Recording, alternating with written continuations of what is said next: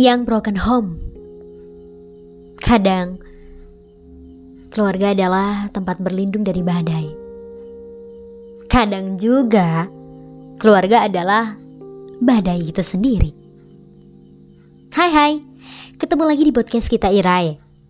Buat kamu yang pertama kali mendengarkan podcast kita Irae, selamat datang dan semoga mendapatkan sesuatu yang bermakna di sini ya.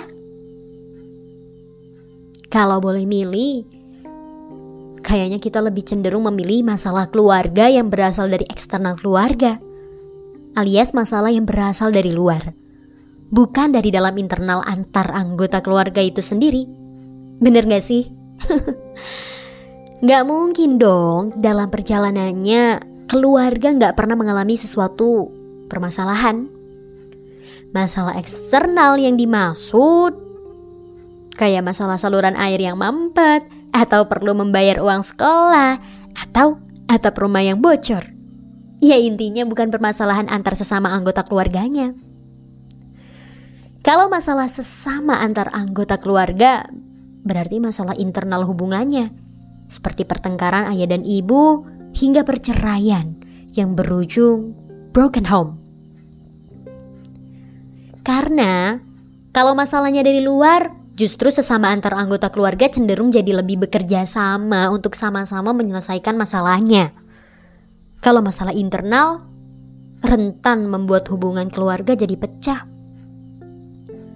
Mungkin ada beberapa teman-teman yang mendengarkan podcast kali ini yang keluarganya mengalami masalah internal yang berujung pada broken home, yang akhirnya berdampak nggak baik bagi kita yang menjadi anak-anaknya. Dari pengalaman broken home itu jadi berakibat pada banyak hal di pribadi anak yang mengalaminya. Kamu sering merasa iri gak sih ngelihat temen yang jalan-jalan sama keluarganya?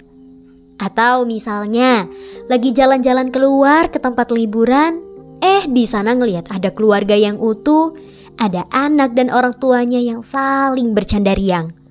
Bawaannya tuh pengen senyum, tapi senyum yang dirasa di hati adalah senyum sakit, iri, nyesek, ada perasaan ingin merasakan apa yang dilihat pada keluarga utuh tersebut. Bagimu terserah orang-orang mau seromantis apa sih sama pasangannya. Aku gak iri, tapi sewaktu ngelihat mereka bisa bercanda bareng keluarganya yang utuh, kok bawaannya iri banget ya? Saat itu kita mulai ngerasa ada yang kurang. Ketika akhirnya kamu punya pasangan yang keluarganya utuh dan harmonis, yang bisa saling bercanda antara anak dan orang tuanya, ujung-ujungnya merasa minder.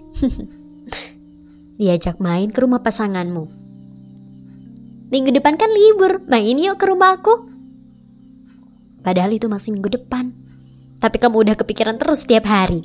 Udah membayangkan bahkan sebelum tidur muncul simulasi-simulasi percakapan di kepala Nanti kira-kira pertanyaannya apa aja ya? Aku nyiapin jawabannya apa ya? Jawabnya gimana ya? Keluarga dia tuh utuh loh, harmonis lagi. Kalau ditanya tentang keluargaku, aku mau jawab gimana ya? Akhirnya jadi merasa minder. Ketika datang hari itu main ke rumahnya, kamu makin merasa kaget lagi karena ternyata keluarganya menyambutmu dengan sangat hangat. Perlakuannya sangat hangat kepadamu dan membuatmu nyaman. Mereka sangat terbuka dan menerima kamu. Hmm, makin kepikiran lagi. Aku diperlakukan baik, disambut penuh hangat. Sementara dia nanti ketemu keluarga aku gimana ya? Mengumpulkan orang tua, mama, papa, yang masing-masing menikah lagi dengan pasangan barunya. Sangat berbeda jauh dengan keluarganya yang sangat utuh harmonis. Aku tahu perasaanmu. Aku paham bahwa itu sangat berat dan memakan habis energimu, menguras air matamu. Banyak banget simulasi-simulasi peristiwa yang kamu khawatirkan terbayang di kepalamu. Itu yang udah punya pasangan loh ya. Ada lagi yang baru mau memulai PDKT ngelihat crushnya lagi piknik liburan bareng upload story bercanda sama keluarganya. Gitu aja udah ngerasa Kayaknya gue mending mundur aja deh. Keluarganya harmonis cuy. Udah kalah satu kosong. Waduh.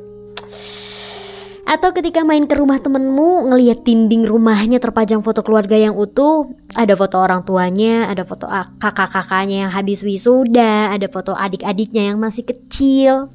Wah, lengkap kali ya foto keluarganya. Ketika hari raya Idul Fitri, teman-temanmu upload foto lebaran bersama keluarga besarnya.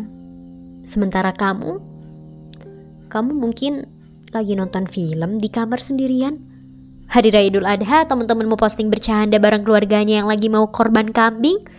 Sementara kamu, kamu search di YouTube video sapi ngamuk kabur nyebur ke got nggak mau disembeli.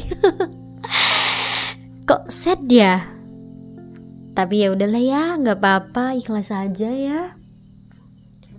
Sewaktu sekolah bagi rapot atau ada pertemuan orang tua gitu suka bingung siapa sih ya yang datang nanti. Mama ambil rapot anak bungsu suaminya yang baru. Ayah ambil rapot juga anak dari istrinya yang baru. Berat banget. Siapa juga nih nanti yang tanda tanganin rapot? Akhirnya tanda tangan sendiri dipalsuin aja deh biar cepet. Toh mereka juga nggak peduli kan? Ketika wisuda, Ngelihat teman-teman bersuka cita foto bersama keluarganya masing-masing, tentu saja keluarga yang utuh dan harmonis, yang bisa saling bercanda antara anak dan orang tua. Kalau diajak main keluar rumah sama teman-teman yang udah akrab deket rasanya ya seneng banget, lega. Meskipun hanya sekedar ketemu ngobrol-ngobrol aja sambil makan nyemil-nyemil. Tapi bawaannya sama mereka berasa lebih plong, lebih lepas gitu dibanding di rumah sendirian. Eh, pas pulangnya Balik lagi masuk kamar. Kerasa banget sepinya. Akhirnya bawaannya mau nangis di pojokan sambil ditutupin mukanya pakai bantal. Suka bercanda bareng teman, si paling keras ketawanya. Si paling asik kalau bercanda sama teman-teman. Tapi itu hanya demi menutupi luka batin yang berasal dari rumah. Buat teman-teman yang mengalami broken home di rumahnya, Aku tahu itu pasti berat banget ya menjalani hari-harinya. Kadang muncul ambisi pengen sukses sesukses-suksesnya. Tapi gimana, energinya udah habis duluan karena sedih.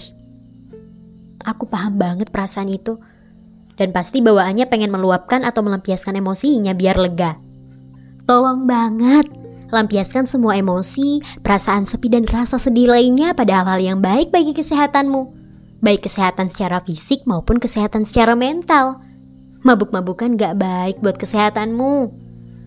Keluar malam sampai pagi juga bisa kena angin malam, kurang bagus juga untuk kesehatanmu. Kamu tahu sendiri kan, kamu sekarang sendirian. Pasangan gak ada, orang tua udah ada keluarga barunya masing-masing. Lalu siapa lagi yang akan peduli pada dirimu selain dirimu sendiri? Karena itu, perhatiin kesehatan dirimu juga. Luapkan semua perasaan nyesek, sedih, amarah, semua yang kamu pendam pada hal-hal yang baik yang mendukung bertumbuhnya dirimu. Karena kamu udah tahu, udah merasakan sendiri gimana gak enaknya menjadi anak yang broken home. Jadi, jangan sampai anakmu kelak merasakan kesedihan yang kamu alami saat ini juga. Ada banyak cara untuk bertumbuh.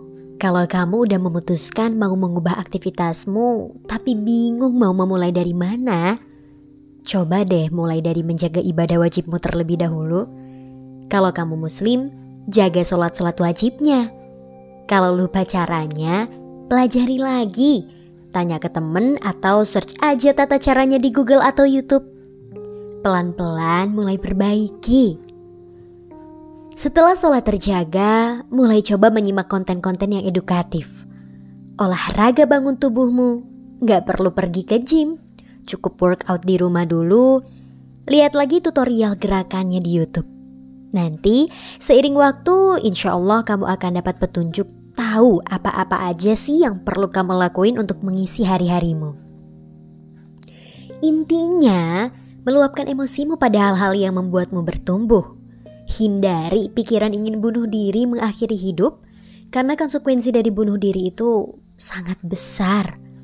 Jadi, Tolong banget, tetaplah bertahan.